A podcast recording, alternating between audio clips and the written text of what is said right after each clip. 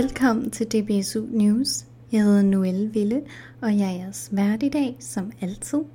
Jeg har et spændende program, der er spækket med en masse arrangementfeedback og nogle spændende interviews. Så jeg håber, der bare I sidder godt, og øh, så lad os da bare komme i gang. Er det ikke bare skønt, hvordan det er blevet sommer i Danmark? Og at vi endelig kan smide de dumme mundbind. I hvert fald det meste af tiden. Det synes jeg i hvert fald.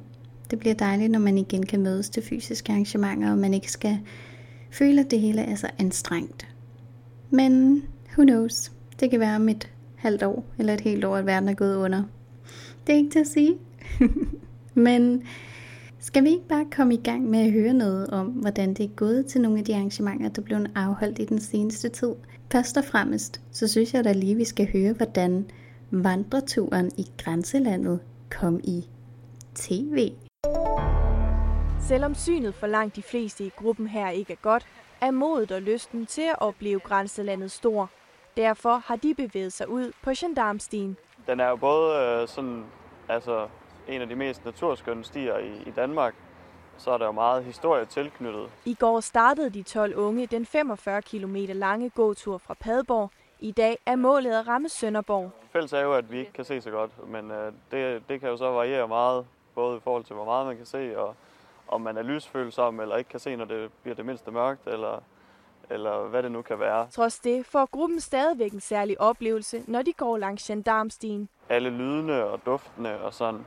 Nu er vi i forårsmåneden, hvor, hvor det hele ligesom topper, og det, det kan man tydeligt mærke, selvom man ikke kan se. Hvis man kan se en lille smule, så kan man også se de tydelige farver her i foråret. Med på turen er frivillige hjælper og den lokale guide Paul Erik, der giver gruppen et indblik i områdets natur og historie. Jeg synes jo, det er en, en både en spændende historie, og måske er det også, fordi jeg er vokset op hernede. Øhm, så det vil jeg da godt være med til at give videre. I morgen skal gruppen ud og være turister og opleve blandt andet Dybølmølle og Skanserne.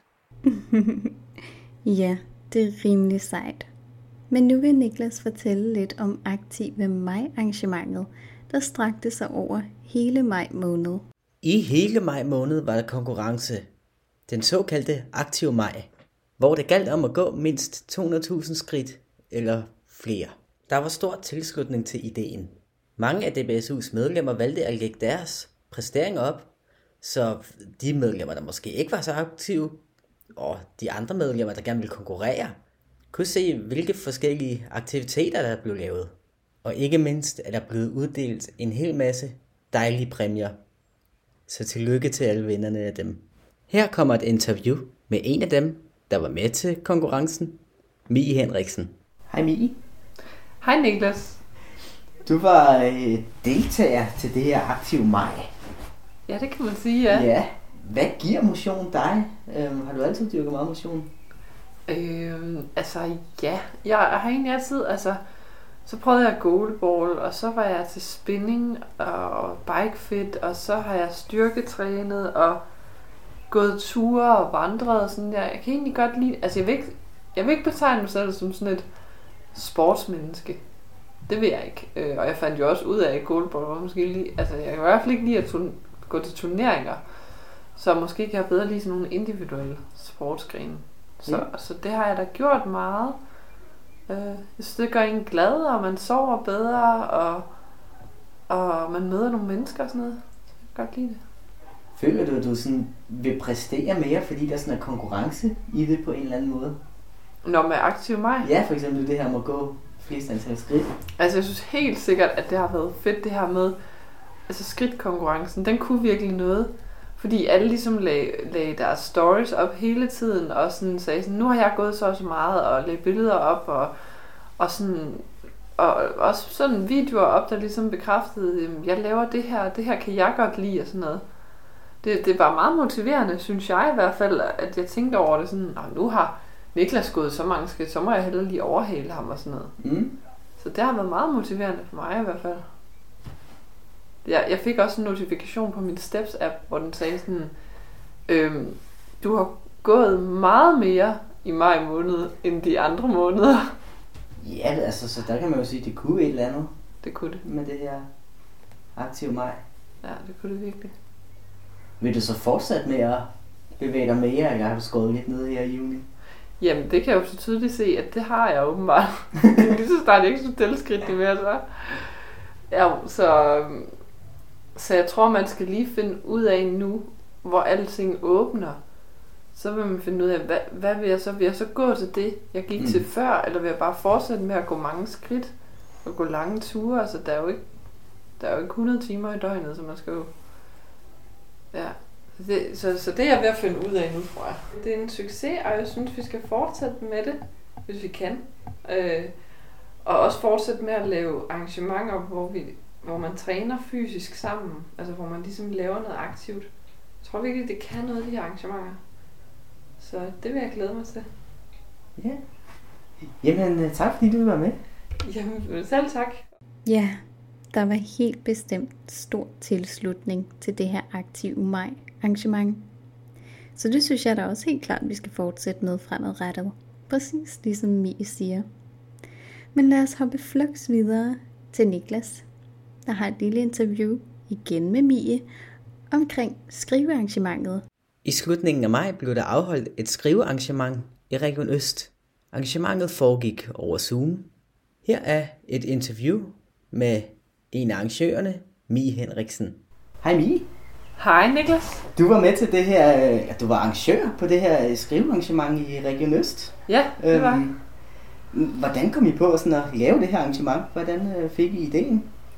Altså, jeg tror, det var til landsmødet, at vi ligesom snakkede om, der var nogen, der kunne tænke sig at lave det. Og så øh, har vi, vi lavet det før, og jeg har lavet det sammen med Ulrik for lang tid siden øh, i et andet format. Og så øh, var vi bare Katrine og Rosa og jeg, som alle sammen godt kan lide at skrive. Vi tænkte, nu må vi prøve at gøre noget.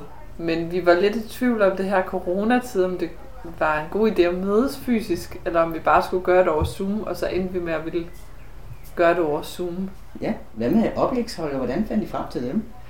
Jamen faktisk så øh, Katrine, altså nu skal jeg jo nu reklamerer jeg rigtig meget for Katrine, men Katrine hun har jo gået på Testrup Højskole og har meldt sig ind i sådan noget håbefulde unge forfattere og øh, sidder i bestyrelsen der, som er sådan en organisation for unge under 30, der kan skrive, eller har lyst til at skrive.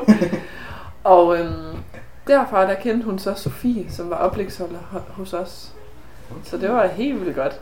Øhm, så Rosa og jeg, vi har ikke behøvet at, sådan, at gøre noget i den forbindelse. Så det, det har været fedt. F- fedt. Hvad med dig selv? Hvordan kom din, altså hvor kommer skriveinteressen fra? Har den bare altid været der, eller er det noget sådan? Ja, altså jeg har altid godt kunne lide at skrive dagbog og skrive digte og sådan noget, og gjorde det også rigtig meget på efterskolen. Særligt efter jeg mistede synet, hvor jeg sådan udtrykte mig meget via skrift. Øhm, så har jeg også selv gået på Testrup Højskole. Det gik nu ikke nær så godt som for Katrine. Øh, jeg synes, øh, ja, jeg tror mere, at øh, mit skrivning er på sådan et hobbyplan. Ja. Så, så ja, jeg kan rigtig godt lide. Og så kan jeg også godt lide, du ved, hvis man kan skrive sangtekster og sådan noget også. Mm, sådan noget med lege med ord. Ja, jeg kan godt lide det. Og så synes jeg bare, det er sådan vildt fantastisk, når vi har lavet sådan en skriveøvelse, som vi også gjorde på arrangementet. Og det gjorde vi arrangører jo også. Øh, og sådan se, hvor forskelligt folk kan få øh, ud af sådan en skriveopgave der. Øh, hvor der kommer så mange ting ind, og, og hvor meget man kan sige med meget få ord. Jeg synes altid, det er fantastisk. Så ja. Sejt. Men da tak, fordi du ville være med her. Jamen, øh, selv tak. Og Stine, som var deltager på dette skrivearrangement, har givet mig lov til at dele et meget fint citat, som hun skrev under det her arrangement. Og jeg synes jo selvfølgelig, at hun selv skulle have lov til at læse det op, så det gør hun her. Husk erfaringerne fra fortiden og brug dem. Nyd nutiden og træf dine egne beslutninger. Se på fremtidens drømme og få dem til at opfyldes. Gør det hele til din sandhed og skab din egen vej. Du falder, du bryder sammen, du kæmper, men så overvinder du, du rejser dig op, du bliver stærkere. Nu skal vi have lidt dejlig naturstemning fra et sanke- og fisketursarrangement, som Mohammed var ude at dække. Så du kan lige så godt bare læne dig tilbage, og så virkelig bare nyde noget rigtig dejlig stemning fra et arrangement der blev afholdt i det dejlige sommervejr. Det er lidt Jeg sjovt. står her sammen med Johannes, underviseren i dag, og Johannes skal vise os rundt i Aarhus Skov. I hvert fald, vi er i Aarhus lige nu. Johannes, kan du fortælle lidt, hvad der skal ske i dag? Ja, det kan jeg i hvert fald, Mohammed. Vi er, vi er ude i Marcelisborg, tæt ved Mosgård Strand, hvor vi skal have en, en sanketur langs med kysten. Øh, og se, hvad for nogle forskellige øh, planter og urter, øh, der vokser. Øh, både i vandet, men også, øh, men også i sandet og langs med, og langs med strandkanten. Mm. Øh, og vi skal sådan prøve at, øh, prøve at fornemme de omgivelser, planterne de, øh, de vokser i, og så selvfølgelig smage på dem og se, om vi kan finde dem. Jamen, det lyder som en sanselig oplevelse. Det tænker jeg, det bliver. Ja. Vi har en lille, nu har jeg givet øh, Lasse et lille blad, som han, øh, som han kan prøve at smage på, øh, og så fortælle, hvordan, øh, hvordan det er. Hvordan det smager? Jeg er spændt, Lasse. Mm-hmm. Det smager meget syrligt, faktisk. Ja. Altså ikke, ikke sådan citronagtigt, men syrligt. Det, er, øh, det jeg har fundet til Lasse, det hedder almindelig syre, øh, og er sådan en, øh, egentlig sådan en ukrudtsplante, øh, som Mm. mange bare tænker, den skal væk fra min græsplæne. øh, men det er faktisk også, øh, synes jeg i hvert fald, ret lækkert. Det ved jeg ikke, hvad du synes, Lasse. Jeg synes, det smager godt. Ja. det smager faktisk helt vildt fantastisk. Jeg tænker, man kan bruge det til pyntning af desserter, for eksempel. Ja, helt sikkert. Ligesom med Ja. citronemilis og aubergine. Ja, og til, i salater og sådan nogle Og ting. salater, også. ja. ja. Mm. Hvad hedder det, Johannes? Øh, I var så sted i går. Ja. Øh, hvad, hvad, hvad, hvad, hvad skete der i går? Jamen i går, der gik vi en, en tur i, øh, i skoven med fokus på nogle af de planter, som vokser, øh, som vokser der. Øh, og øh, ja, der fandt vi en, øh, en, en bred vifte af planter og også lidt, øh, og også lidt dyr. Vi øh, smagte blandt andet på skovmyrer, som, øh, som også er lidt syrlige, ligesom, øh, ligesom det blad Lasse fik. Nej, det vil jeg gerne smage. Øh, og, vi, øh, og vi prøvede også at dufte til, til myrernes øh, lugt ved at klappe lidt på en myretue. Så det var også en, øh, en oplevelse. Så siger jeg mange tak for, du havde lyst til at svare mine spørgsmål. Selv tak. Nu skal vi smage på hyben og et blad, der hedder syre. Det fik vi noget af i går. Ja, det var I glade for. Det vil jeg gerne lige, det vil jeg gerne smage. heller ikke? Ja. Der er lige en, en mere, Lasse. Det var den, jeg gav dig hen ved shelteret også. Nå ja. Mm, ja, det var Okay. god. Ja, det, mm, det smager super. Mm. Og det smager godt. Ja, den her, den vokser jo så ved stranden. Kunne man ikke bruge det til vores gløkopskrift? Kunne man sikkert sagtens i stedet for, i, stedet for citronverbena. Mm, ja, eller citron, eller Ja, den er citronsaft. Det var så syre, vi smagte på. Ja. Og det var det smagte syre. Sjovt nok. og, Nu skal vi hen og finde de her hyldeblomster her. og nu skal vi finde hyldeblomst. Der står nemlig en hyld lige herovre.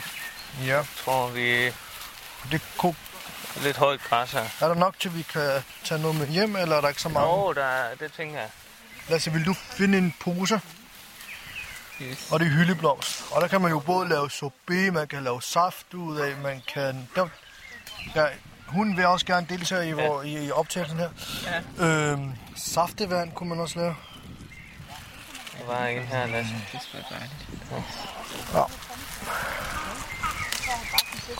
Og vi er vilde med hyldeblomst saftevand ja, hos, ja. Ja. når, vi, når vi har hyldeblomst. Bare, jeg tager blomsten, øh, sådan en udsprunget skærm. Mm. Så dypper jeg den ned i pandekagedej. Ja. Og så øh, direkte ned i, øh, Altså, den her, i den kogende olie. Den dypper du i, øh, I pandekagedej. ja, mellem, altså uden stilken. Nej, nej, så har jeg stil. Jeg holder fast i stilken. Ja. Og så putter jeg hele blomsten ned i, øh, i dejen, og lige øh, snurrer lidt rundt. Og så tager jeg den op, lige drypper lidt af, og så, og så øh, direkte ned i, øh, i den varme olie. Mm-hmm. Så, så, så, øh, så bliver den ligesom friteret, og, og, øh, og du får sådan en Ja. friteret pandekage der, med, med smag af, af hyldeblomsten mm. der. Mm. Og det smager jo fuldstændig som det dufter. Ej, hvor fantastisk, mand. Og det er jo... Må lige dufte en Ja. gang? Og jeg elsker hyldeblomst. Ja, men det er en fantastisk dejlig duft. Mm, Ja. masser. Værsgo. Så vi, vi skal i gang. Yes. Det var hyldeblomst, og nu uh, så, sanker vi lidt hyldeblomst. Lige over hovedet på dig. Der ja, den der. Og øh, Nu er vi i gang med at sanke hyben. der har du, øh, der har du fat i en rølling.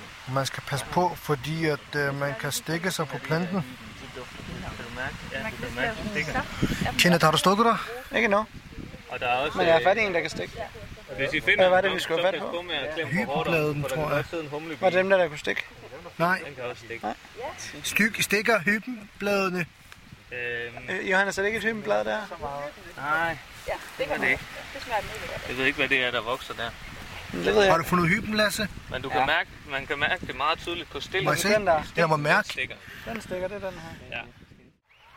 Altså, det, kan det være hyben? Nej, ikke helt. Ikke hyben. Den har, den har, hel- den har tårne. Den her, det er øh, gråbynke.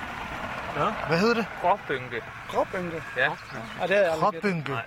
Og det, øh, men det var rigtigt, det du snakkede om, med den der blomst oppe i toppen, mm. Kenneth, at det er faktisk den, vi sådan, øh, man sådan, som jeg har brugt mest til noget, øh, og som man har brugt meget øh, førhen i Danmark. Altså man har brugt det som, øh, når den går i stok og laver frø, så, øh, så har man brugt dem som, øh, som sådan en erstatningspeber. Nå ja, det var det der, øh, hvad hedder det? Fattigmandspeber. Ja, fattigmandspeber. Mm. Øh, og som vi også snakkede om i går, så, øh, så på et tidspunkt, så har peber været en af de dyreste krydderier, man kunne få fat i. Mm. Øh, og så har man jo kunne bruge det her lidt i stedet for. Øh, Men man kan også bruge bladene, eller hvad? man kan også godt spise bladene, men det er en, en, en lidt skarp smag. Øh, så øh, jeg, jeg har kun brugt det sådan lidt til at krydre, krydre nogle retter en lille smule. Det er noget, man skal være lidt forsigtig med. Må vi andre lige smage? Det må i hvert Kunne fald. tænke, kunne vi, Du, det den kunne er lige foran dig. Vil du ikke hellere plukke selv? Jeg tager det her. Så kan Lasse plukke noget. Ja, lov, lad os han kan plukke noget selv. Men Konsistensen er ligesom lidt mynteagtig, når man kommer det i munden. Synes jeg. Ja. Når man øh, lige får det ind. Skovmærke. Det er en plante, der hedder skovmærke. Ja. Ja. Øh, og man kan godt prøve at komme, hvis man har lyst til selv at prøve at, at samle den, så kan man jo prøve at komme med lidt op her. Går en lille smule opad. Ja, jeg tager lige dig også, Lasse. Ja. Så, ligger, så er den her lige nede foran jer. Den, den øh, hvad skal man sige? Den, den er sådan lidt, øh, Er det den her? lidt ro. Øh, nej. Lidt længere ned. Altså. Lidt, lidt. Der har de sådan nogle... Øh, der er Mohammed. Og, Og den er der spiselig. Er den spiselig? Det er sådan en, øh, den er sådan ret øh, parfumeret, synes jeg. Øh, Ja, det er den i hvert fald. og den kan man sådan øh, tørre og blende med noget sukker, og så får man sådan en rigtig fin dessert øh, sukker, for eksempel. Øh, Okay, interessant. Så det kan godt, øh, den kan godt bruges, når den er sådan lidt, øh, den er lidt speciel. Så den skal blive godt. Den kan godt være herinde sådan i, øh, i skovbrynet. Den er Og det der, den er så har den de parfumeret. der små hvide blomster. Og så er Mm. den der jo meget karakteristisk i den måde, bladene de er... Bladene sidder sådan ligesom hele vejen rundt om stilken. Du har stilken, der går lige op, og så, og så har du de der øh, 8-9-10 blade rundt i en øh, ring. Og den er sådan lige en meters penge foran dig, hvis du bukker dig ned. Den er helt nede ved jorden. Der, der har du... Nu mærker vi på Det her, strandkålen. det er noget, øh, det er noget siv. Du skal lidt længere frem og Lidt lidt, længere tilbage, Kenneth. Nå, jeg det, det der, det er en skrabbe, så lidt længere frem, der kommer kålen, øh, Mohammed. Der havde vi noget, og så var det her. Det der, Nå, ja. der. Nu har I øh, fingrene på den. Skal du med ned, øh, Lasse? Jo. Og det var spisbart. Er det spisbart? Der er den, der er sådan lidt, øh, den er sådan lidt grov i det. Ja. det er selve bladene. Ja, det er selve bladene, blandt andet. Skal vi så tage den ved roden, eller hvad er det? Ja, man skal i hvert fald ikke, man skal bare ikke tage roden op, kan man sige. Men vi kan lige, øh, lige skære et, øh, et blad af. Sjov Ja, konsistens. Lasse. Det må du Hvad siger du. Mo? Sjov konsistens. Synes du ikke, den er ret øh, sur? Jo, Ja. men man kan godt smage lidt blomkål. Ja, ja. Det kan jeg i hvert fald. Man kan godt smage det i kål, synes jeg fald. Mhm. Øh, Med kraftig kål. ja. ja, og meget bittert, ikke også? Kan du beskrive planten? Øh, Øh, Johannes? ja, den er sådan lidt... Øh, nu er jeg jo også øh, jeg er jo farveblind, så det, men, øh, men det, det kan jo være lige meget, fordi Det er ikke sikkert, at de er så godt styr på farverne heller. Men jeg synes, den er sådan lidt... Øh, ja, sådan lidt... Øh, den, er, den er jo grøn, øh, og så bliver den sådan lidt... Øh, meget, øh, meget lys, sådan lidt hvid, måske lidt blålig. Jeg ved ikke, om, øh, om dem, der har normalt farvesyn, de kan ikke give mig ret i. Lidt sådan blåt, grå, grøn. Ja, øh, og så vokser den i sådan en, i sådan en klynge. Øh, den vokser sådan, jeg synes, den vokser sådan lidt ala, ala rabarber, egentlig gør. Øh, at de har sådan ligesom et udgangspunkt, og så strider de der blade ud for, til alle mulige sider. Vi er i to igen, og det er torsdag, og vi er på vej til Horsens for at møde de andre DBSU'er fra Regional Vest. I dag skal vi igen mødes med Johannes Ravn fra Klub Ud. Og Lasse, hvad øh, skal der ske i dag? Øhm, jo, der skal ske det, at øh, vi skal ud og fiske, øhm, men uden krog. Og det bliver meget, altså jeg glæder mig vildt meget til at prøve at se, hvordan det fungerer, når man ikke har et øh, syn. Ja, fordi det der med at fiske uden krog, det lyder lidt som om, at det ikke kan lade sig gøre, men det siger øh, Johannes, at det kan. Ja. Så det glæder jeg mig også. Og hvad, hvad, skal vi håbe på, at vi fisker? Rundfisk. Hornfisk? Ja. Ja. Og det kan også godt være, at vi får lov til at ryge dem, så man har røget. Hornfisk, det glæder i hvert fald personligt til at smage. Ja, det kunne være sjovt. Ja. Jeg sagde, du burde da have trænet. Lasse, du får lige en her. Det er, den er der ikke krog det på. her. Det der, det er dem, vi skal fiske med i dag, Lasse. Det er, øh, det er sådan et blink med, øh, med silketråd. Det er en lille Øh, fisk, som hedder en striber. ja, det gør den faktisk. Det er sent med den der snak, de får derude, de der lystfiskere. Ja. Så gas som striberen, drenge. Ja. Det vil. Stakkels lytter. Stakkels, jeg skal høre på det. Men bare giv den lidt tid. Lad være med at trække for hårdt ind eller noget. Bare, bare giv den lidt tid, hvor den får lov. Øh, fordi så vikler den sig mere og mere ind i det her silketråd. Den har sådan nogle, øh, Må jeg prøve at se det? ja, den har sådan nogle tænder, øh, Mm. rundfisken. Så vi binder sådan noget silketråd bag på, øh, på de her stripper. Ved jeg fat i det her, eller hvad? Ja. Mm. En st- stripper med silketråd. Så altså, det er ikke det her, den får i munden? Nej, det er det, den tror er fisken, ikke også? Og så, øh, og så bider den ud efter den, og så får den det der silketråd ind i, Ind i ind i tænderne. Og tænderne, de, det er sådan en rovfisk, så tænderne peger bagud, sådan at så snart den har fat i noget, så bevæger det sig ned mod maven. Øhm, og så, så øh, vikler det sig fast. Okay. Og så, øh, og så er, den, så er den svært ved at, øh, at komme fri. Hvis nu man giver sådan et hårdt ryg, som man gør ved meget andet fiskeri, så giver man sådan et modhug. Lige så snart en fisk bider, så giver man et modhug, fordi så sætter krogen sig ind i, øh, ind i kinden på den eller et eller andet. Hvis man gør det med dem her, så kan man godt risikere, at, den, øh, at, at, at du får, ja, eller du flår øh, silketråden ud af tænderne på den, og så mister man jo fisken. Man skal bare sådan trække stille i land. Stille, men stabilt. Ja, så bare lige, øh, bare lige give den lidt tid til at, øh, at øh, vikle sig ind, så, øh, så den kan sidde godt fast, og så kan man begynde at trække ind.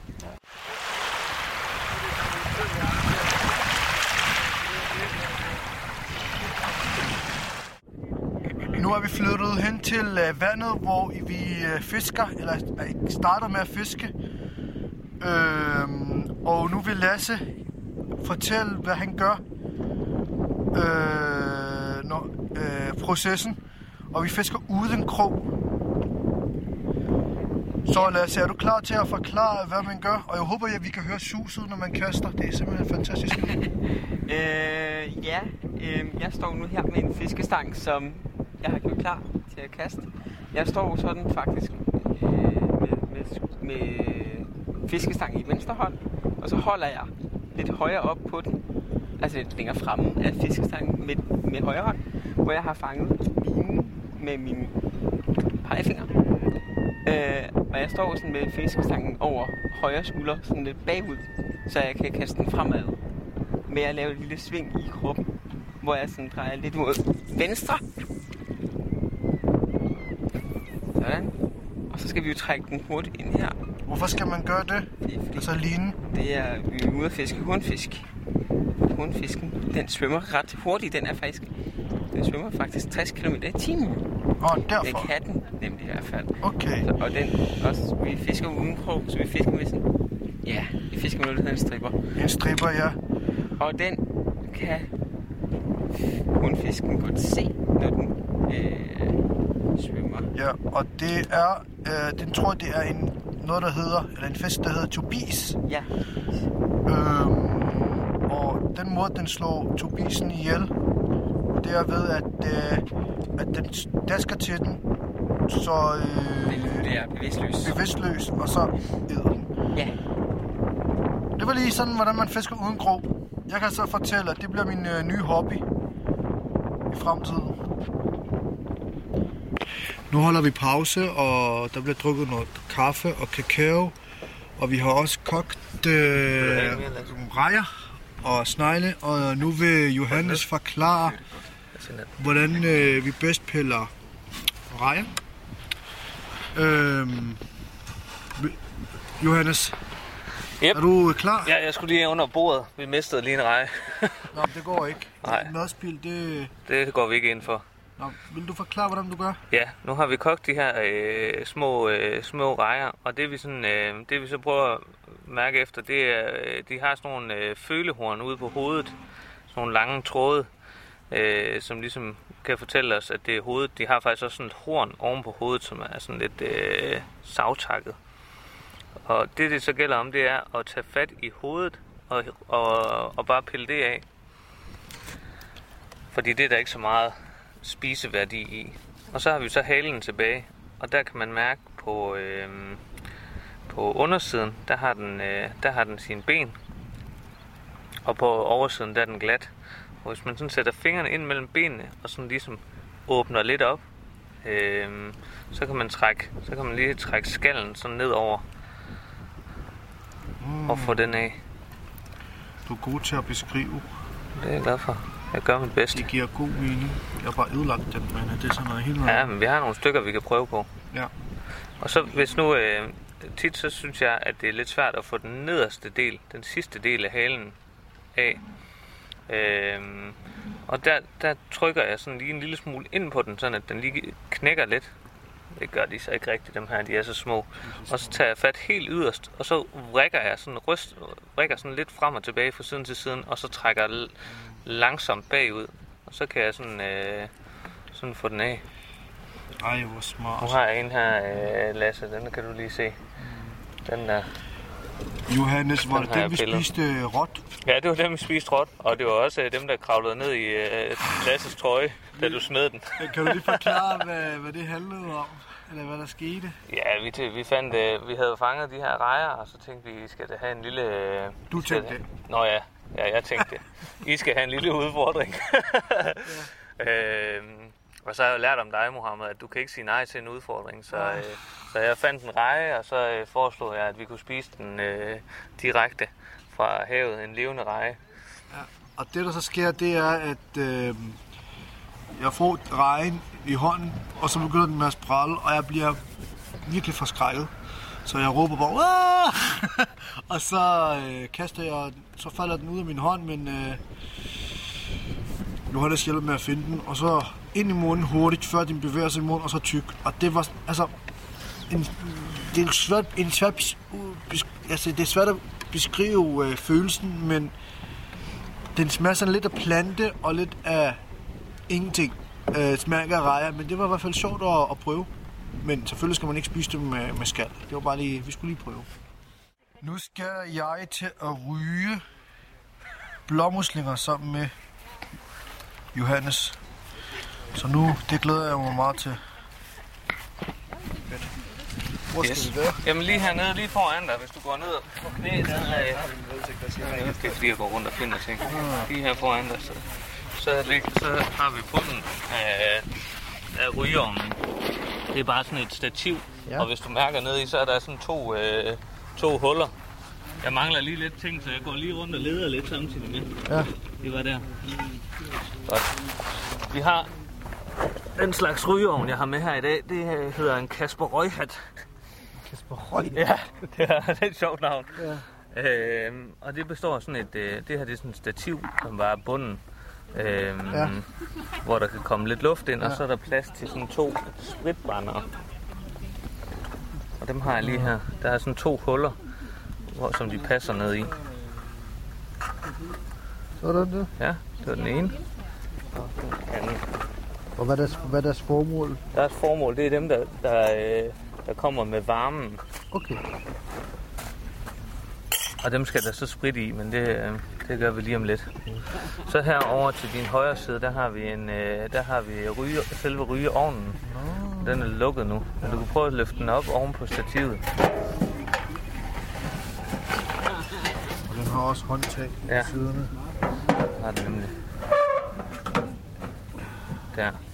Det der, det er et termometer, som ikke virker. Som ikke virker. Ja. Og så her i midten, der er der et håndtag til at løfte af med, fordi når den øh, først bliver varm, så er, det, så er det den, man skal røre ved. Så skal man ikke røre ved den her Nå, kasse her. Ikke. Øhm, og hvis vi tager håndtag, der er jo håndtag på begge sider. Yes. Og det er til at løfte den med, men også til at åbne. Så nu er låget gjort fast, og så kan du prøve at åbne den ved at trække dem ned til siden. Ligesom en kuffert-agtig. Ja, og så har du øh, knappen derinde i midten, du kan ja, bare løfte låget af. Jeps. Og det er jo dampene, der er brandfarlige. Ja. Øhm, derfor skal man også være meget Det øh, gammelt, hvis forsigtig man har en rift i her, øh, hånd, så skal man ikke komme lige på den. Nej, det skal man ikke. Det fandt jeg jo lige ud af. Nå, Nu har, så har jeg en pakke tændstikker her, så kan du få lov til at... det er ikke så Øh, god til det her. om, Mm. så må man øve sig. Er det... Gør jeg det rigtigt? Ja, ja.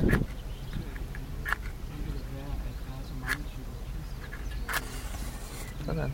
Og den gik ud. Der. Den gik ud? Nej, nej.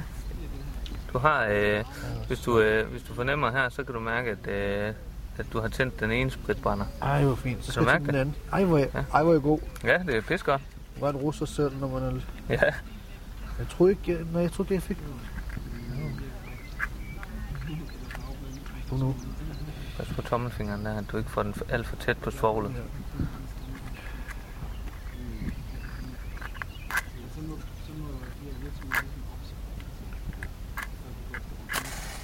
Shit. Shit, shit, shit, shit, shit, shit. What? Fuck, nej, undskyld, det må ikke, ikke vende. Det er så fint. Det gik. Det gik skide godt. Det er lige det der, når, man, når øh, lige pludselig så kommer øh, flammen, Flammen den op, kommer jo ja. hen, den kommer jo hen til det der øh, sprit, der fordamper. Ja. Og så er det jo dampene, der bliver Og antændt. det går, skide stærkt. det går, det går virkelig stærkt. Det går rigtig stærkt. Det går rigtig, rigtig stærkt.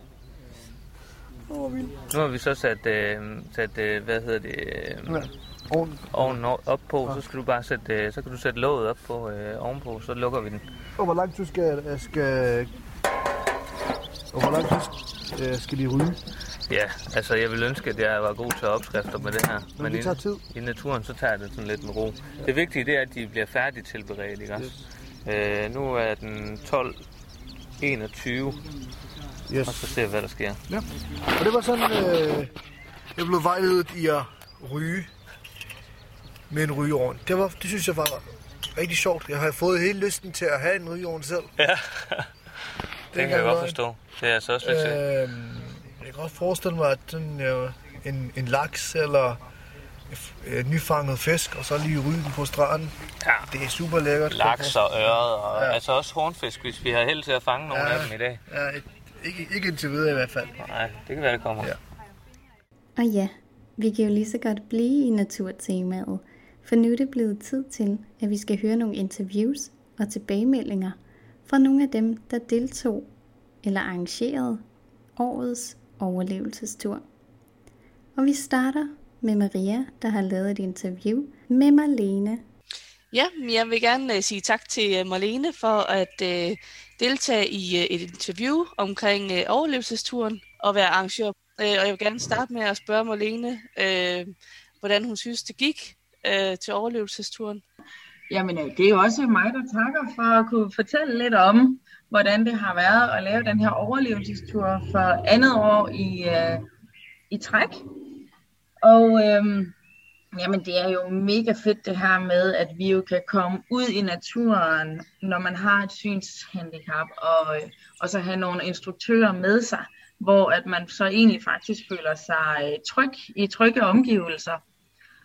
og, og netop komme ud og få de her outdoor-oplevelser som noget kano og vandring med bagage og outdoor-udstyr, fordi vi laver mad over bål, og vi sover i øh, telt.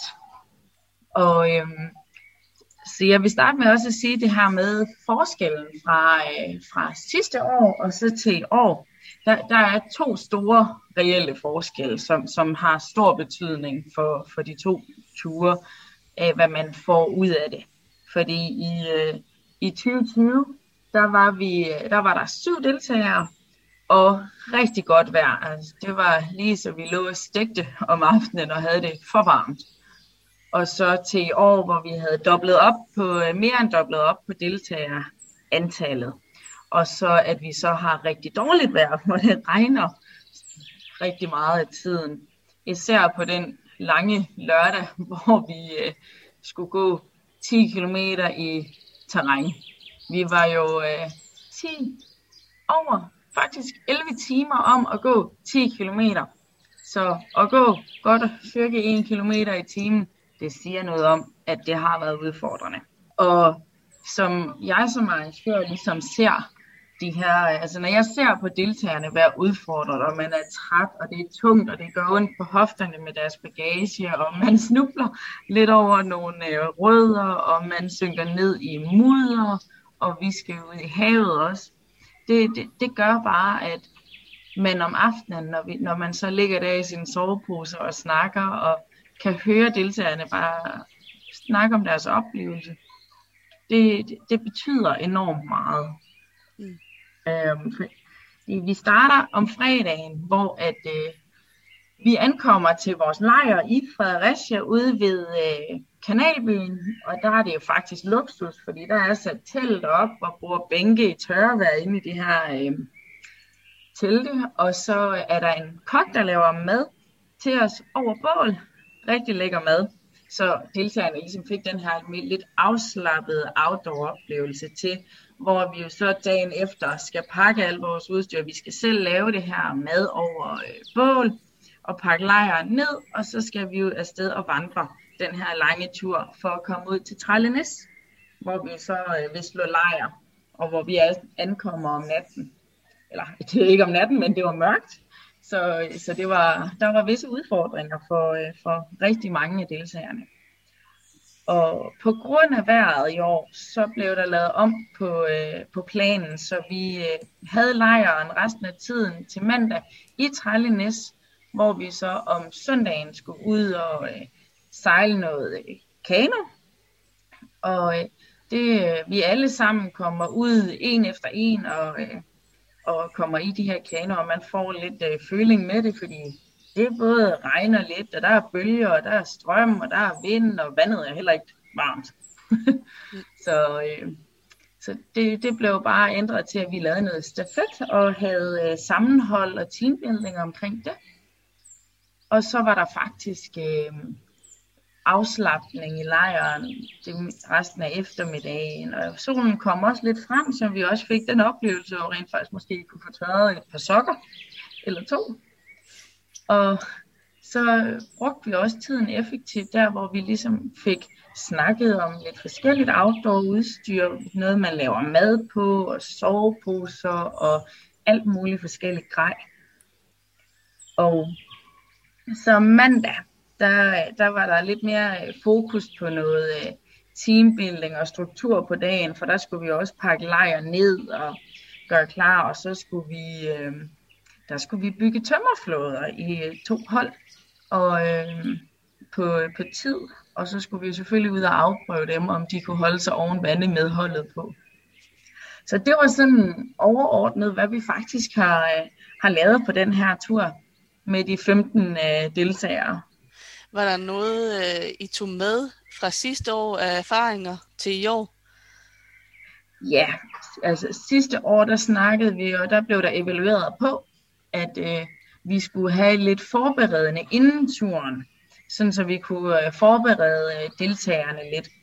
Og så vi lavede et, øh, et Zoom-event tre uger før turens afholdelse, hvor vi snakkede med vores øh, samarbejdspartner, og han fortalte lidt om turen. Vi introducerede os til hinanden, så vi ligesom vidste, hvem hinanden var, og snakkede om, hvor meget outdoor erfaring, at vi øh, hver især havde og kunne tage med på turen. Så, så det er i hvert fald også en af tingene fra, øh, fra sidste år af, at vi har taget med. Og så skal vi også snart evaluere på turen i år, så vi kommer til at lave en tur igen i 2022. I forhold til øh, de forventninger, øh, både du og Gustav havde til, øh, til overlevelsesturen i år, levede det så op til forventningerne, eller hvordan øh, var det med det? Se, det, øh, jeg, var, jeg var meget spændt på, at vi, øh, vi havde dobbelt så stort et hold med, fordi det betyder rigtig, rigtig meget, når man er blind og svagtseende, fordi vi skal bruge mere tid på at finde vores udstyr og med at fornemme lejren, hvor har vi teltene hen, hvor er bålet, hvor man ikke skal træde ind i bålet, og øh, alle de her praktiske ting omkring det, og øh, så er jeg også meget spændt på som arrangør, den her gruppedynamik, der ligesom kommer til at være, hvordan fungerer holdet sammen, og jeg er simpelthen så beæret og, og stolt af at være arrangør, fordi man kan fornemme, at hele gruppen faktisk snakker sammen. Man hjælper hinanden på kryds og på tværs i lejren, og man ledsager hinanden på den lange vandretur på skift. Så er der nogen, der er nede bagved, så kommer de lige pludselig op foran, og det, det gør mig simpelthen så, øh, så glad. Så der vil jeg sige, jeg, jeg forsøgte ikke at have alt for store forventninger i år, fordi jeg ville bare se, hvordan det hele det kommer til at være og, og tage det med derfra til, til evaluering til, til næste år, til, til den næste overlevelses outdoor tur. Hvordan øh, kom ideen til overlevelsesturen? Jamen, den øh, ideen til, hvordan den øh, overlevelsestur den skulle komme, det er simpelthen den her outdoor erfaring, at både Gustav og jeg, vi har lidt, og at vi rigtig, rigtig gerne vil ud i naturen, og vi vil også gerne udfordre os. Og så vil vi også gerne udfordre medlemmer. Mm. Og øh, det her med, at netop som jeg pointerede lidt tidligere, at, at vi har de her udfordringer som øh, synshandicappede, at vi kan altså ikke lige så nemt tage en tur ud og sove i shelter og tænde et bål. Altså sådan en voldsom ting, som hvis der nu for eksempel skulle ske en skovbrand, det håber man jo ikke, der sker, men så er det også lige at fornemme og se hurtigt op i himlen for eksempel hvor kommer røgen fra, og hvor løber den hen af, eller alle de her ting, hvor vi så skal have hjælpere med på turen. Det er jo deres øjne, vi skal bruge. Så, og det er simpelthen det der med, at vi har nogle sene øjne med på sådan en tur, der gør, at vi alle sammen kan komme ud og opleve naturen, få de her oplevelser i naturen, den mentale ro, det giver at komme ud og opleve vindens susen og bølgens brusen og fuglenes kvidren. Hvad var den største udfordring øh, på overlevelsesturen, efter din mening? Det, det er faktisk et rigtig godt spørgsmål. Det kan jeg ikke komme på. Nej, så har der nok ikke været nogen. der har nok været flere øh, små udfordringer. Altså, lad os sige, på den lange vandretur, det er jo, altså vi var jo faktisk ikke samlet sådan, så, så meget. Øhm, fordi vi endte med at også gå i små hold, fordi så synker den ene i mudder, så er den anden ud i vandet, så er den anden op i træerne nærmest. Øh, så, så jeg kan ærligt talt ikke lige komme på den, den største udfordring. Så udfordringen kunne måske være at sådan holde os samlet, hvor vi sådan hurtigt blev adskilt? Jo, men jeg vil ikke sige det jo. Altså, vi, var, vi havde et par pauser, hvor vi også var samlet, og man kan sige, at det var egentlig meningen, at vi skulle have holdt pause hver time, en små 10 minutter. Og øhm, da, da tiden begyndte at skride rigtig meget, så endte vi faktisk ikke med at holde de her pauser. Ja, vi havde kun to til tre pauser, pauser i løbet af den, øh, af den vandretur, eksklusiv frokost, som var en tre kvarter. Hvor lang tid var der sat af til turen oprindeligt? Jamen altså, vi kom jo i lejr ved en øh, 11-tiden, og vi skulle have været i lejr ved 16-tiden. Og der skulle bygges en lejr jo, og så skulle man jo lave mad, og det er jo som man ville have en øh, rimelig almindelig aftenhygge. Men øh, det blev det så ikke til. Så det er jo også det her med at være omstillingsparat som arrangør, at hvordan skal vi så lige koordinere og gøre, og det, der havde vi altså forberedt os også fra sidste år af og så til i år, fordi vi fik tørkost lørdag aften. Så der skulle man jo bare i gåseøjne koge vand, så man kunne få vand ned i sin tørkost, og så var der aftensmad. Fordi fra, fra vandreturen sidste år, der kunne vi godt mærke, at folk var meget udmattede, fordi vi skulle også bygge en lejr, og vi skulle lave lang tid, altså mad, der tager lang tid over bål. Og det sparede vi simpelthen væk i år for at øh, spare på deltagernes energi, så de kunne bruge deres energi anderledes. Så de ligesom kunne energiforvalte på en anden måde. Jamen, øh, altså, jeg synes jo også, øh, det var en øh, rigtig god tur, øh, hvor man blev udfordret. Var der sådan et bestemt øh, fokus, I havde øh, i forhold til, at øh, for eksempel, øh, at øh, fokus var, at jamen, vi skulle ikke have så meget søvn, eller det skulle være sådan fysisk hårdt, eller hvad var jeres øh, fokus i år? Så vores fokus var faktisk, at vi ville gerne have, at deltagerne skulle have, eller de skulle lære at, at kende til, til noget af deres eget udstyr, og noget af det, som, øh, som vores samarbejdspartner øh, Get Out, og noget af det udstyr, han havde, og, og lære lidt tips og tricks i, øh, i det at være i naturen. Og så også, at man skal fysisk udfordres. Og især nu på grund af corona, så var det også bare vigtigt for os ikke at blive mega meget udfordret, men at komme ud og blive udfordret ved at blive fysisk udfordret. Netop ved vandreture, når man skal sidde og ro i en kano, og der skal slæbes bagage, og der skal, hvad hedder det, hugges brænde og laves bål og de her ting. Det, det udmatter jo alt sammen, og alle de sanseindtryk, man får. Så det var sådan overordnet det fokus, vi havde i år. Og så kan jeg forstå, at øh, der er planer om en overlevelsestur til næste år igen. Ja, det er der. Jeg er meget hug på, at vi øh, skal lave en tur mere. Og det, øh, der, der, kunne vi, der kunne jeg forestille mig, at det faktisk bliver med fokus på øh, personlig udvikling. Og øh, om enten en udfordring i, om det skal være mangel på, øh, på lidt søvn eller lidt mad, for ligesom at finde ud af ens egne grænser. Tænker I, at øh, det skal afholdes øh, på samme tidspunkt næste år? Tanken er, at det, det skal være samme tidspunkt, fordi den her forlængede weekend, det gør, at du får koblet fra fra hverdagen. Der er jo ikke engang, altså, det, det, det fedeste af det hele faktisk, det er, at alle deltagerne, nu har jeg også et dårligt syn, men det har virkelig været sådan, at de har ikke haft deres telefoner fremme særlig meget. Det er faktisk ikke i løbet af dagen. Det har måske lige været, når man har lagt sig, for lige at sige, hvad klokken er nærmest. At du kobler fra fra de her sociale medier og al den skærmtid, man har i hverdagen i dag. At du ligesom kommer væk fra hverdagen. Hvis der nu er nogen, der sidder derude og sådan er rigtig i tvivl om, om de skal vælge at tilmelde sig til overlevelsesturen næste år, Øh, hvad vil du så sige til dem? Så vil jeg sige, I skal ikke være nervøse, og I må endelig altid give mig et kald.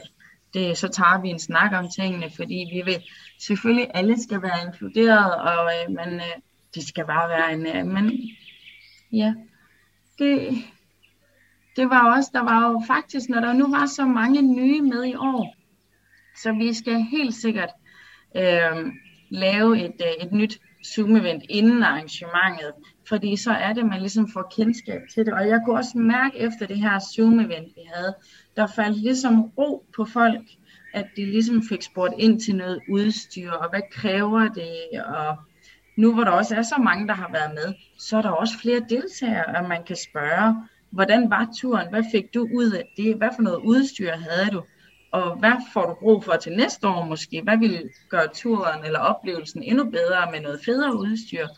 Eller hvad synes du, du faktisk ikke havde behov for? Så alle dem, der har været deltagere, har jo også en oplevelse, de kan fortælle om, så man er, men man er i hvert fald velkommen til også at komme til mig, øh, hvis man har spørgsmål. Ja, Jamen, jeg synes også, det fungerede rigtig fint med Zoom-eventet, også øh, så man lige kunne få sat ansigt på øh, de andre deltagere. øh, som man ikke lige har mødt før. Så, øh, så det synes jeg var rigtig godt initiativ.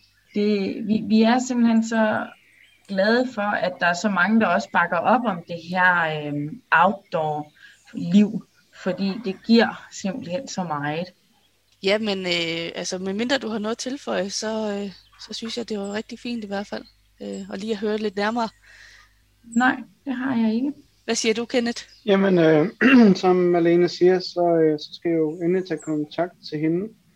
Og øh, om ikke andet, så ved jeg, at, øh, at Region Vest i hvert fald jo laver nogle små teltur, hvis det er bare det, det handler om.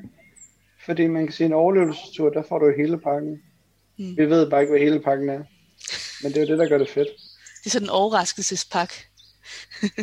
Jamen, øh, jeg har ikke øh, mere. Øh, jeg synes, det var rigtig fint. Øh, og I skal have tusind tak for øh, jeres tid i hvert fald. Ja, selv tak. Ja, så tak. Og her kommer så et interview, som Maria har lavet med Gustav, der også omhandler overlevelsesturen.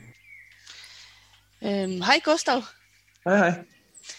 Øh, jeg vil gerne sige øh, tak for, at øh, du øh, ville stille op til mit øh, interview omkring, øh, at øh, du har været arrangør på øh, overlevelsesturen.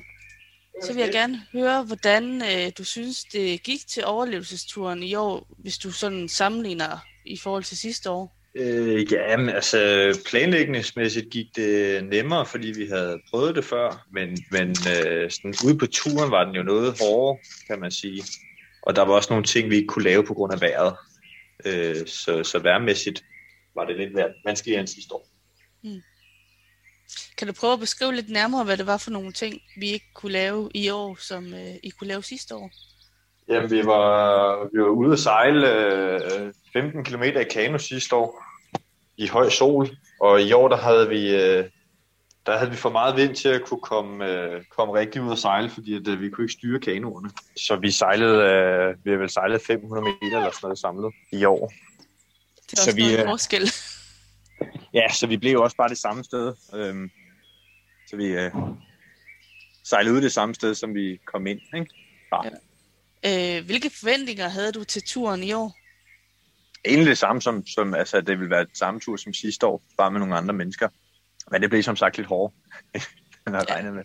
Ja. Er der nogle erfaringer fra sidste år, øh, som øh, I kunne bruge som øh, arrangør i år på turen? Øhm, ja, altså hele det der med, med tid og sådan noget, hvad der tager lang tid og hvad der tager kort tid, det havde vi en, en, en god idé om i år. Mm.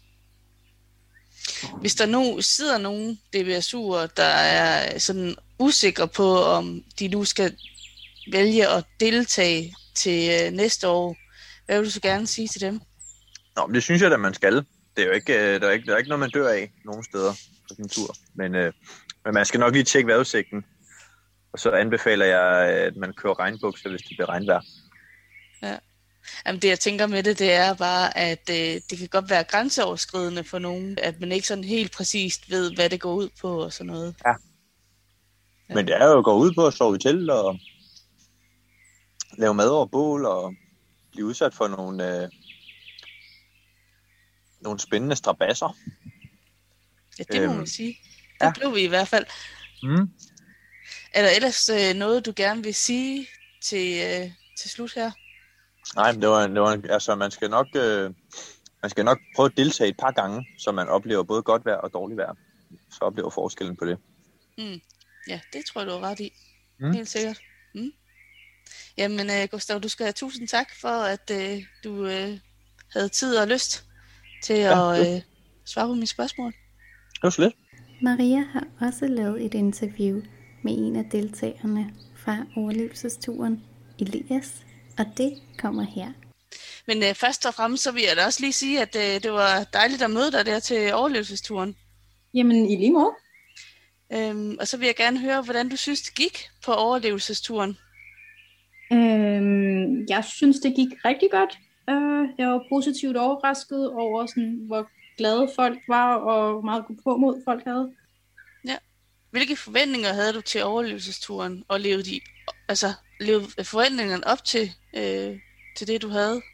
Øhm, ja, altså, ja, det lød, det lød op til det, jeg havde forventet. Jeg havde forventet, at jeg ville blive presset på, øh, hvor lang tid jeg skulle sådan, kunne holde mig aktiv, og sådan, hvor langt man skulle kunne gå, og sådan nogle ting. Øh, og det, hvad hedder det, det, det levede de op til. Det blev jeg bestemt også udfordret på. Mm. Var det første gang i år, du deltog på overlevelsesturen? Ja, altså der har kun været en i år, men det var første gang, ja. Ja. Ja. ja. Jamen, jeg tænkte også bare, at der har været en sidste år. Det kunne godt være, at du havde deltaget til den også. Nej, på den måde, nej, nej, ja, nej, det var første gang. Okay. Øh, hvad fik dig til at deltage til overlevelsesturen? Øh, jeg tænkte, det ville være en fed måde at komme ud øh, og være lidt mere ude i flere dage i træk. Øh, jeg har ikke sådan, jeg har været ude to dage alene selv før. Øh, men jeg tænkte, det at have nogen, man ligesom var sammen med, og der var nogle guides og nogen, der kunne hjælpe en til at være ude i sådan hele fire dage, øh, synes jeg var virkelig fedt. Så det var det, der fik mig til at tage med. Mm. Ja, nu var du lidt inde på det før med, hvad din største udfordring på overlevelsesturen var, men kan du sætte nogle flere ord på det? Øhm, jamen, det var lidt det der med, at øhm, jeg skulle have rygsæk på så lang tid ad gangen. Altså, jeg har gået, jeg har gået flere kilometer, end det vi måske gjorde, men det har jeg godt gjort på kortere tid, så jeg skulle have så tung rygsæk på i, hvad, jeg tror, vi var ude i 12 timer, den, i 11 timer den ene dag, ikke? Mm. Øhm, det var bestemt nogle af de ting, øhm, der var en af mine største udfordringer. Og så til sidst der, da vi var ved at nå campen, så at, at holde mig vågen. Ja. Der, jeg tror lidt mest bare, jeg gik i søvn til sidst, da, det var sådan, da vi var over alle bakkerne og dalene og sådan noget, og bare gik på flad jord de sidste to kilometer, der, der gik jeg halv sov. Ja. Det var også en lang tur, altså at være øh. ude øh, sådan, altså over 10 timer, øh, ja. og på 10 kilometer. Øhm, så det er jo bare sådan en kilometer i timen, det lyder jo ikke ret meget. Nej, men det var jo også det, fordi det var, altså det, som jeg også sagde før, at altså jeg har gået længere distancer, men dem har jeg gået på kortere tid, og de har ikke været lige så sådan meget terræn i det, så det har været, jeg tror, jeg har gået 25 kilometer, hvor det bare har været ud af flad jord. Så det har ikke taget så lang tid, men lige pludselig så var det jo, der var rigtig mange, fordi vi var så mange, så var der hele tiden folk, der skulle hjælpes over, og der var nogle virkelig stejle steder nogle øh, gange, ikke? så det var mere udfordrende, så nej, det var ikke principielt særlig langt, men det gjorde det ikke mindre hårdt af den grund. Nej. Jamen, det er også det der med, altså, man stod sådan og overvejede, skulle man gå ud i vandet, eller skulle man mm. øh, gennem grene, eller hvad skulle man lige? Ja, ja, ja. ja. Øhm, du var inde på det før omkring, øh, hvad du blev positivt overrasket over. Var der nogle andre ting, du blev positivt overrasket over på overlevelsesturen? Øh, ja, men som også, som du siger, lidt som jeg sagde tidligere, altså folks sammenhold og gå på mod, altså selvom især den ene dag der med vandreturen var virkelig hård, så var folk stadigvæk øh, glade og snaksalige, og altså, man kedede sig ikke rigtig på nogle tidspunkt under turen, for der var altid nogen, man kunne gå over og snakke med, og eller lære noget, få nogle tips til et eller andet, og spørge, om man kunne hjælpe med noget. Øh, så bare sådan, hvor glade folk var i det hele taget. Det var, det var virkelig dejligt. Det gjorde det rigt, til noget rigtig godt. Mm. Hvis der nu sidder nogen derude, øh, som er i tvivl om, om de skal tage med på øh, sådan en slags tur, øh, mm. hvad vil du så gerne sige til dem? Jamen, øh, jeg synes, de skal gøre det. Øh, hvis de føler, at de gerne vil have en, have en udfordring, fordi altså, det er jo ikke, det var ikke ligefrem let. Altså, der er en, det hedder overlevelsestur af en grund, så man skal selvfølgelig være forberedt og klar på, på det, øh, og at det bliver hårdt. Men hvis man er bange for, at det bliver for hårdt, så synes jeg bare, at man skal tænke på, jamen, det er en fed udfordring, og der er nogen for dig. Altså hvis man bliver træt, så, så skal man nok finde ud af noget i forhold til, så finder vi ud af noget med bagage, eller man holder hinanden oppe. Så altså ja, hvis man er klar på en udfordring, så synes jeg, man skal gøre det. Ja, det synes jeg helt sikkert også. Det er i hvert fald helt sikkert. Ja, men øh, jeg vil gerne sige tusind tak øh, for, at øh, du havde tid og lyst til at lige øh, give nogle svar her. ja, jamen velbekomme. Jeg håber, det hjælper, og der er nogen, der så er friske på at komme med næste gang. Maria satte sig ned sammen med Kenneth i det dejlige sommervejr og snakkede lidt om hans oplevelser med overlevelsesturen. Det kommer her. Mm, hej Kenneth. Hej Maria. Jeg vil gerne øh, stille dig et par spørgsmål nu. Jeg ved, at øh, du har været med til overlevelsesturen i år. Åh, oh, gud, hvordan fandt du ud af det?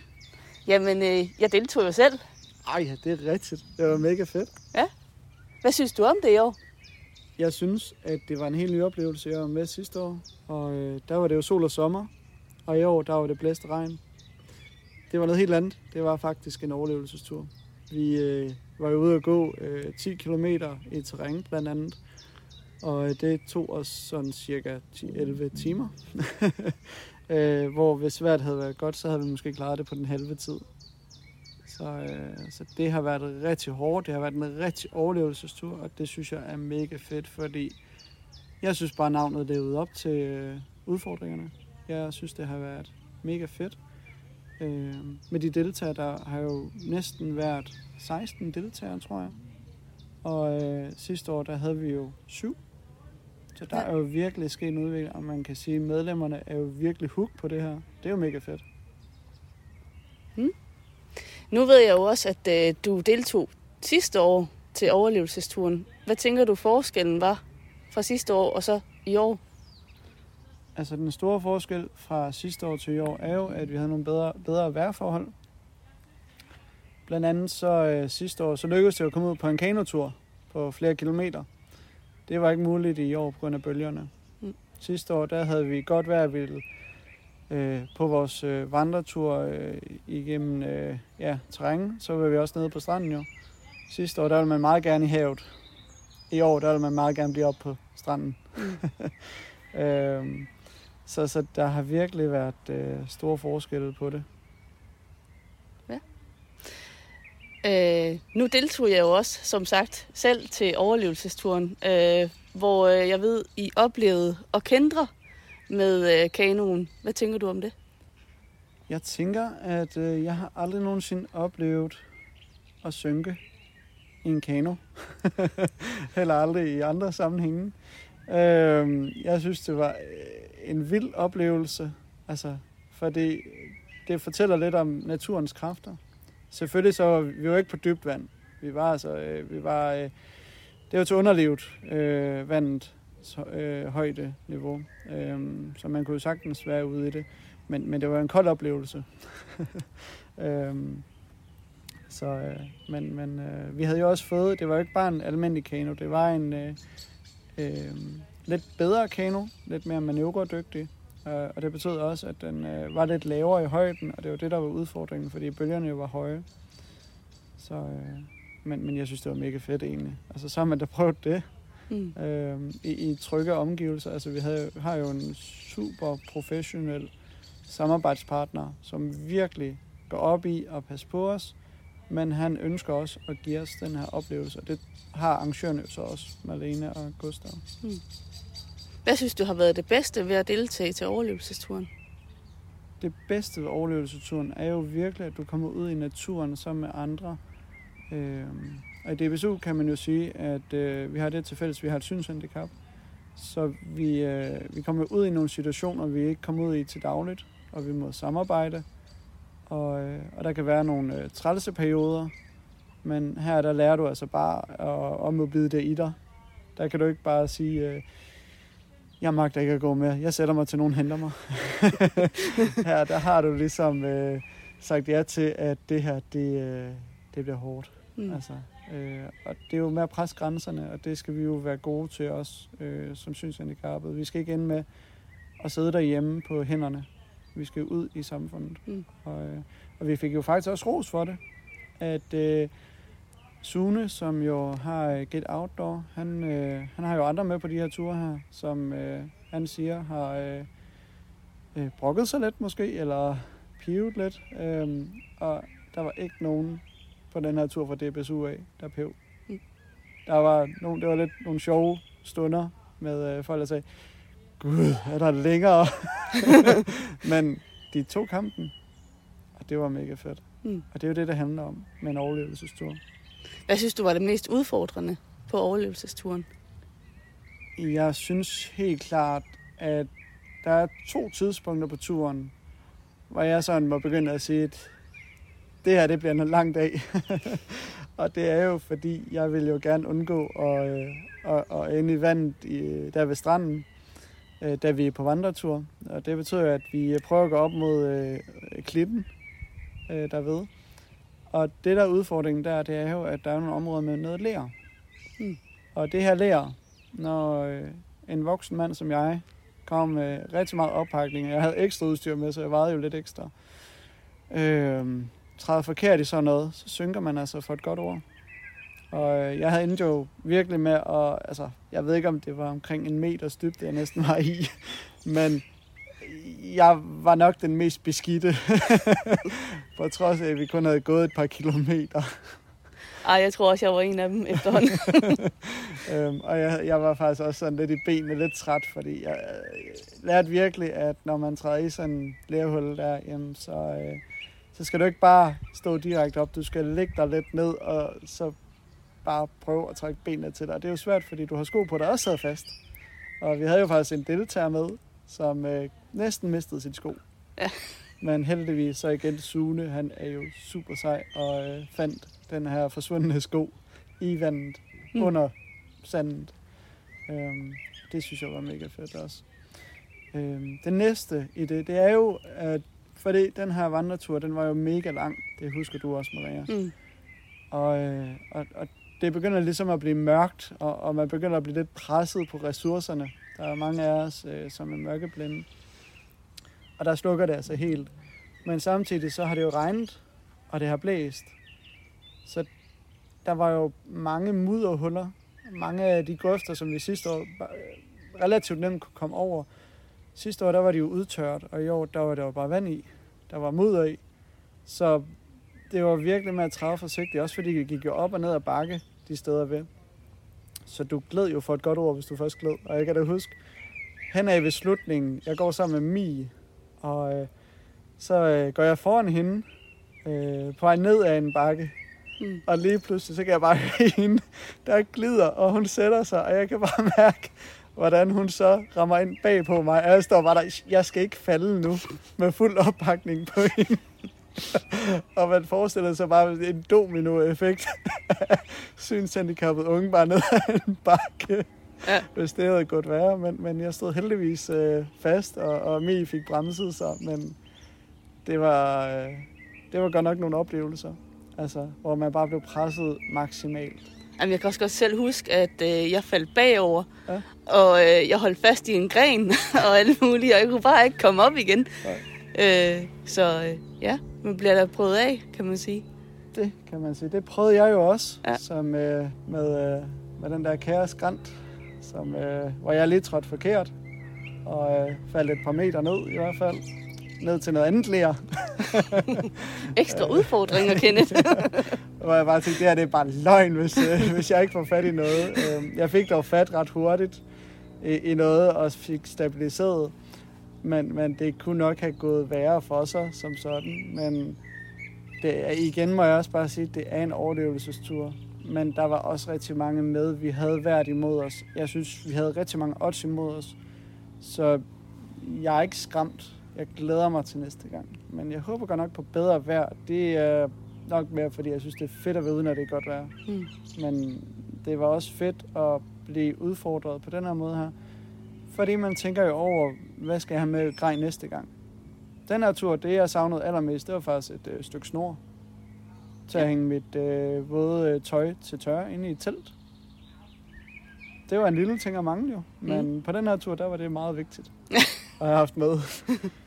Så, øh. Øh, ja. Øh, så det, jeg egentlig hørte dig sige, er, at øh, du kan sagtens anbefale andre at deltage på overlevelsesturen.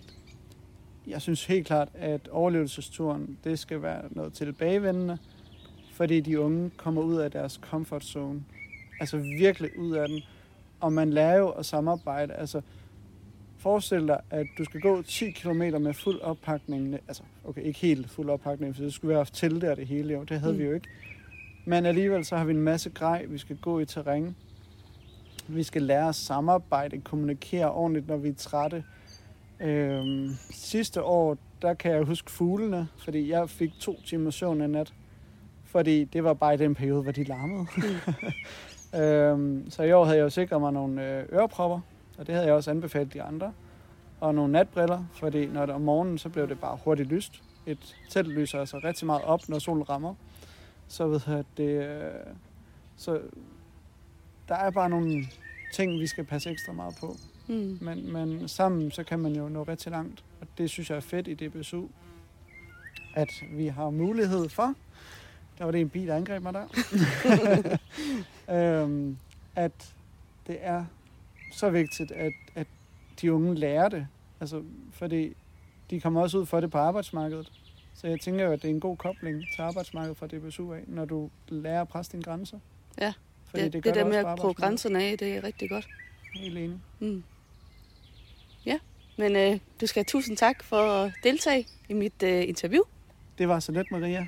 Og øh, jeg håber jo, at der kommer flere interviews fra din side af. Fordi at, øh, det er jo rigtig fedt at øh, bidrage med, øh, med nogle gode øh, fortællinger omkring DBSU. Øh, hvor fedt det er at være en del af det. Nu hvor vi også har nogle rigtig gode arrangører til det, og nogle gode samarbejdspartnere, så skal vi også bare i gang. Helt sikkert. Og så er der jo lige det sidste, det vigtigste. Vi fik jo en t-shirt. Det er rigtigt. Et DBSU-logo på, og et outdoor-logo på. Og det er jo fedt. Det er så fedt. Tusind tak. Velbekomme. Og for lige at sætte en lille krølle på alt det her overlevelsesturs snak, kommer der et lille sammenklip af nogle kommentarer fra nogle af deltagerne fra arrangementet. Jeg vil så sige, dagens højdepunkt for mig, det var altså det der med den der kano, der sank. det satte lige nogle ting i perspektiv, hvad angår, hvad man skal have på påklædning. Men øh, det var bare en oplevelse, det var fedt. Altså, jeg, altså, jeg ikke så langt ude selvfølgelig. Men, øh, men øh, det er jo det, det, det handler om, det her. Det er overlevelse, altså. Og så prøve det, altså det er jo ikke noget, altså de koster jo en formue, de der kanoer, så...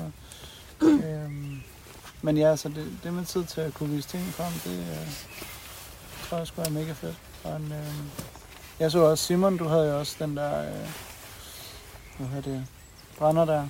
Og det synes jeg, det er jo egentlig mega kreativt, øh, hvad han havde. Så øh, også dit Malene selvfølgelig, men, men, men det, at man ligesom kan spare med hinanden også, det øh, jeg skal ud og kigge på et eller andet vandtæt bukser. Altså, så det, der skete på dag to, det var, det var derfor, jeg har taget med på den her tur. Altså, det, det var det, jeg er kommet for. det var at blive udfordret. Altså, øh, øh, så det, det, det vil jeg bare sige, det, det synes jeg var vildt fedt. Og det, det håber jeg, at, øh, at arrangørerne og dusugene holder fast i, og at, vi ligesom ikke, øh, at man ikke sætter niveauet ned, eller hvad skal man sige, eller går på kompromis med det. Øh, øh, så, så vil jeg hellere sige, at så hvis, at så, hvis der skal være noget i forhold til det, så skal man måske være bedre, altså, jeg ved ikke, jeg synes ikke, at det nødvendigvis er noget problem med den her gruppe, men bare, at øh, man så skal være tydelig omkring at kommunikere, hvad det er for en type tur, øh, man arrangerer, så folk er med på, at, at øh, det er sådan nogle ting, man kan blive udsat for. Det, er, det, og det er egentlig bare faktisk meget generelt i forhold til det her den her svagsinde forum, øh, og også på den første dag, det er, at det er super nemt at komme ind som en, der ikke kender så mange, eller øh, er relativt ny i det her. Øh, fordi især jeg, der ikke kan se noget, I spørger mig, hvem er det, der sidder ved siden af mig? Og så må jeg jo nødt til at sige, at det er Simon. Mm. Ja, så, øh, og, der, og, og, på samme måde er det heller ikke, er det også legalt. Det er i orden for mig at sige, øh, hvem er det, der sidder ved siden af mig, eller over for mig. Øhm, og så siger jeg jo, hvem, hvem I er. Øhm, på den måde synes jeg, at det er meget nemt at komme ind i sådan en forum. I forskel fra nogen, som man er vant til, alle sammen kan se.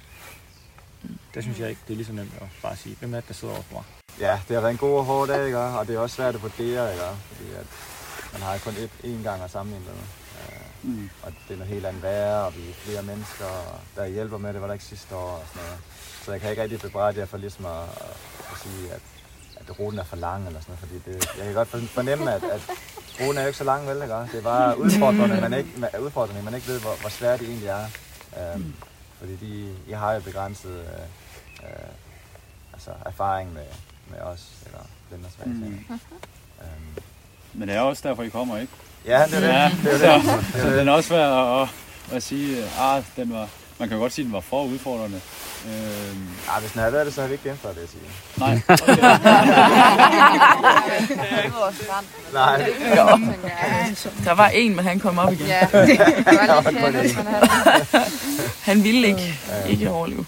Så jeg synes, det, altså, den rute, den er lige præcis slem nok til, at den er god nok. Altså, Ja. den, er, den, Ja. den, Ja. altså, ligger lige på grænsen, og det er kun en god ting. Ja, enig. Mm. Fordi jeg har deltaget i så mange quote-unquote overlevelsesture, hvor man tænker, ja okay, er det her en overlevelsestur, så, så er det sgu ikke svært. Men det, er- det, det finder man ud af, og det, det, er jo, det er jo det, man deltager til for. Ja. Øh, Ja. Udfordre sig selv og prøve noget nyt. Jeg vil bare sige, at jeg synes, det har været godt at få øh, rigtig meget øh, info på forhånd, og vi var med til de der Zoom-arrangementer også, hvor man kunne sådan forberede sig og spørge om alle mulige ting, hvad man skulle have med. Det synes jeg har været mega godt. Fordi så, hvis der var et eller andet, man var i tvivl om, eller sådan, det er ligesom, altså man kan jo godt læse en pakkeliste og et program, men det er meget rart at få det og få ansigt på jer også. Det kan jeg godt lide. Ja. Ja, det er så dejligt at høre, at det var så god en tur, selvom I havde en del udfordringer med på vejen. Men øh, så mange af jer sagde, så, så gjorde det jo bare, at det var en reel overlevelsestur. Men til det motorcykel- og teltarrangement, som der blev afholdt i Region Vest, var det heller ikke øh, just helt nemt at få til at fungere. Men det kan vi jo bare høre for os selv, skal vi ikke? Vi kan i hvert fald høre lidt ambiance og lidt, øhm, ja, lidt stemning fra arrangementet. Så sidder vi her i et telt. Vi har været ude og køre på motorcykel i går.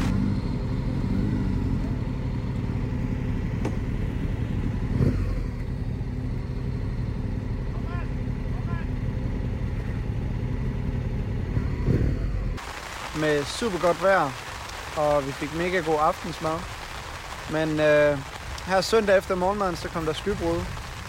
Så øh, vi sidder herinde og laver evaluering, så jeg håber, at øh, lydkvaliteten er ok. Ellers så ved jeg i hvert fald, hvorfor nu. Men øh, jeg vil sende den her videre til Dorte først. Hvordan har det været, Dorte? Jeg synes, det har været en mega fed tur. Først ude på motorcykel. Det blev jo så for mit vedkommende til fire ture, så nok sammenlagt to og en halv time. Øh, og så kommer vi til Jules Camping, øh, strandcampingplads. Det går vældig forrygende lørdag. Der er bare høj sol, og folk de skal ud og bade. Og vi hygger om aftenen, og så om søndagen, lige efter morgenmaden, så står der bare ned i stænger, som I nok kan høre. Store skyer og alt muligt. Men jeg synes, det har været en mega fed tur. Så I skulle prøve det. Ja, men jeg synes også, det har været en rigtig god tur.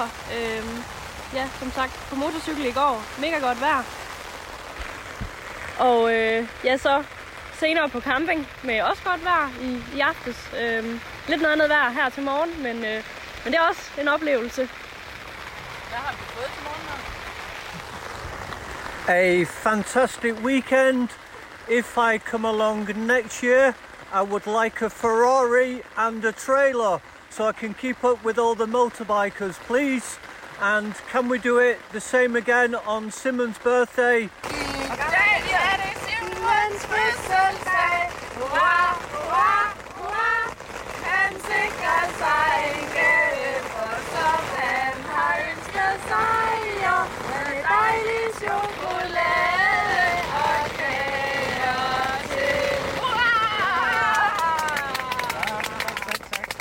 Because he provided us with a fantastic cake, fantastic people.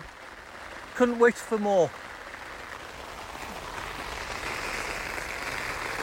Og det var så vores, øh, vores nye ledsager, vores skotske nye ledsager.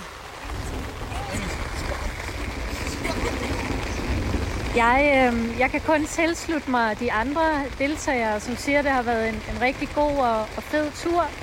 Nu kommer jeg selv fra Region Øst, øh, og jeg havde læst noget om, øh, hvad hedder det, fra, det øh, fra arrangementet, der blev holdt sidste år, og synes bare, det, det lød til at have været helt vildt fedt, så det tænker jeg, det vil jeg rigtig gerne prøve. Øhm, og ja, så øh, har vi været lidt uheldige med vejret i dag søndag, men, øh, men hele lørdagen var det jo fantastisk vejr. Så, øh, så det, var en, det har været en fornøjelse, og det var virkelig fedt at, at få muligheden for at køre på motorcykel. Hi. Can you hear me? This is us enjoying camping. Jeg sidder her som øh, medarrangør på telturen og, og nyder enormt meget, at alle deltagerne var kvikke til at hjælpe med at pakke lejren ned. Og så sidder vi jo nu i et ydertelt i tørrevejr. Simon? Det har været rigtig dejligt at komme afsted på motorcykel. Der var godt med komfort på nogle cykler og rigtig hurtige cykler. Øh, ja, super fed oplevelse med det. Dejlig badetur og øh, ja, rigtig hyggeligt.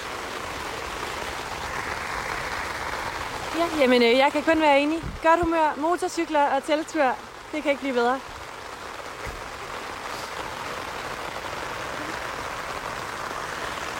Og så er vi tilbage ved Kendet her. Jeg er jo en af arrangørerne. Og øh, jeg må nok sige, at øh, det var super fedt i går. Tidsplanen holdt ikke. Sådan er det med motorcyklisterne. Øh, det var en fantastisk dag ellers i går, og nu er det jo så, at vi er nået til et skybrudsvær, hvor jeg nok må sige, at jeg er glad for i hvert fald at øh, have et telt, der fylder det et ekstra nogle gange. Fordi vi sidder alle sammen herinde, som vi nok har kunne høre. Og øh, indtil videre så holder vi vandet ude. Så øh, det er en fantastisk tur, luksustur, men, øh, men også sådan lidt eller en overlevelsestur med det her vejr. Men øh, det har været super fedt at, øh, at være arrangør på i hvert fald.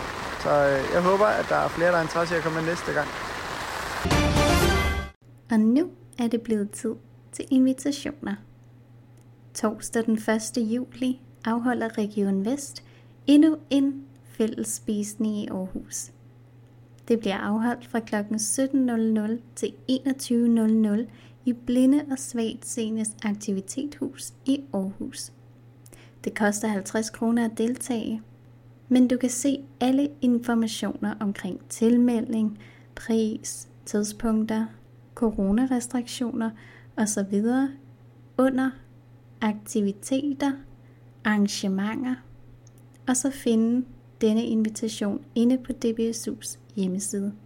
DBSU inviterer til det landsdækkende arrangement Find motivation. Kom og vær med til at lære at finde din indre motivation. Lørdag den 3. juli til søndag den 4. juli afholder DBSU i samarbejde med DBSK, som er Dansk Blindesamfunds Kvinder, et spændende fælles arrangement om motivation.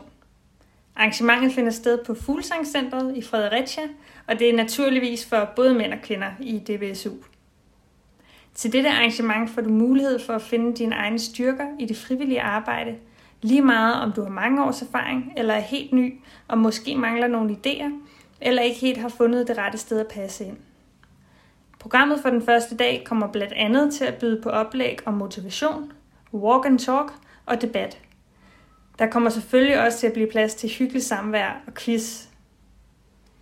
Arrangementets anden dag byder på oplæg og workshop om, hvilken type er jeg, og køb og salg af kompetencer. Hele programmet og hvordan du tilmelder dig, finder du i invitationen til arrangementet inde på DBSU's hjemmeside under arrangementer. Vi glæder os til at se dig.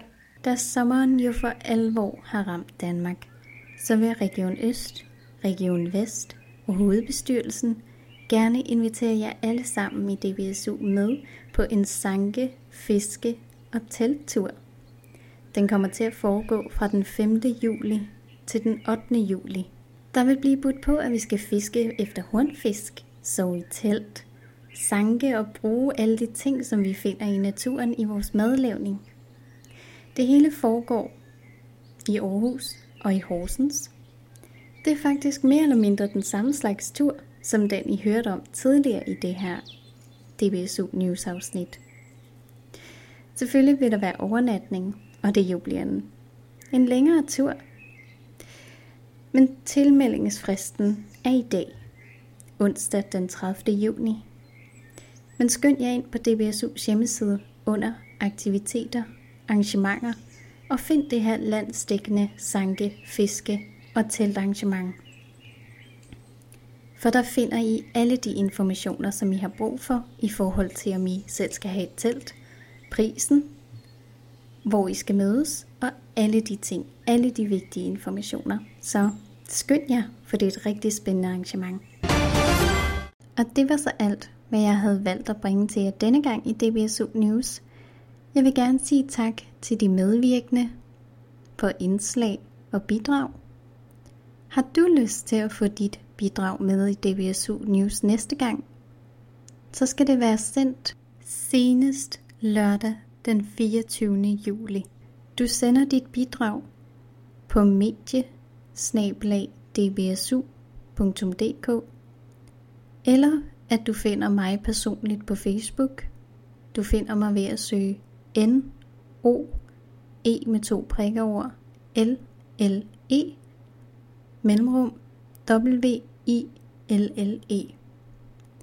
Jeg glæder mig til, at vi lyttes ved, og ellers så håber jeg, at du får en rigtig dejlig sommer. Denne podcast var klippet og tilrettelagt af mig, Noelle Ville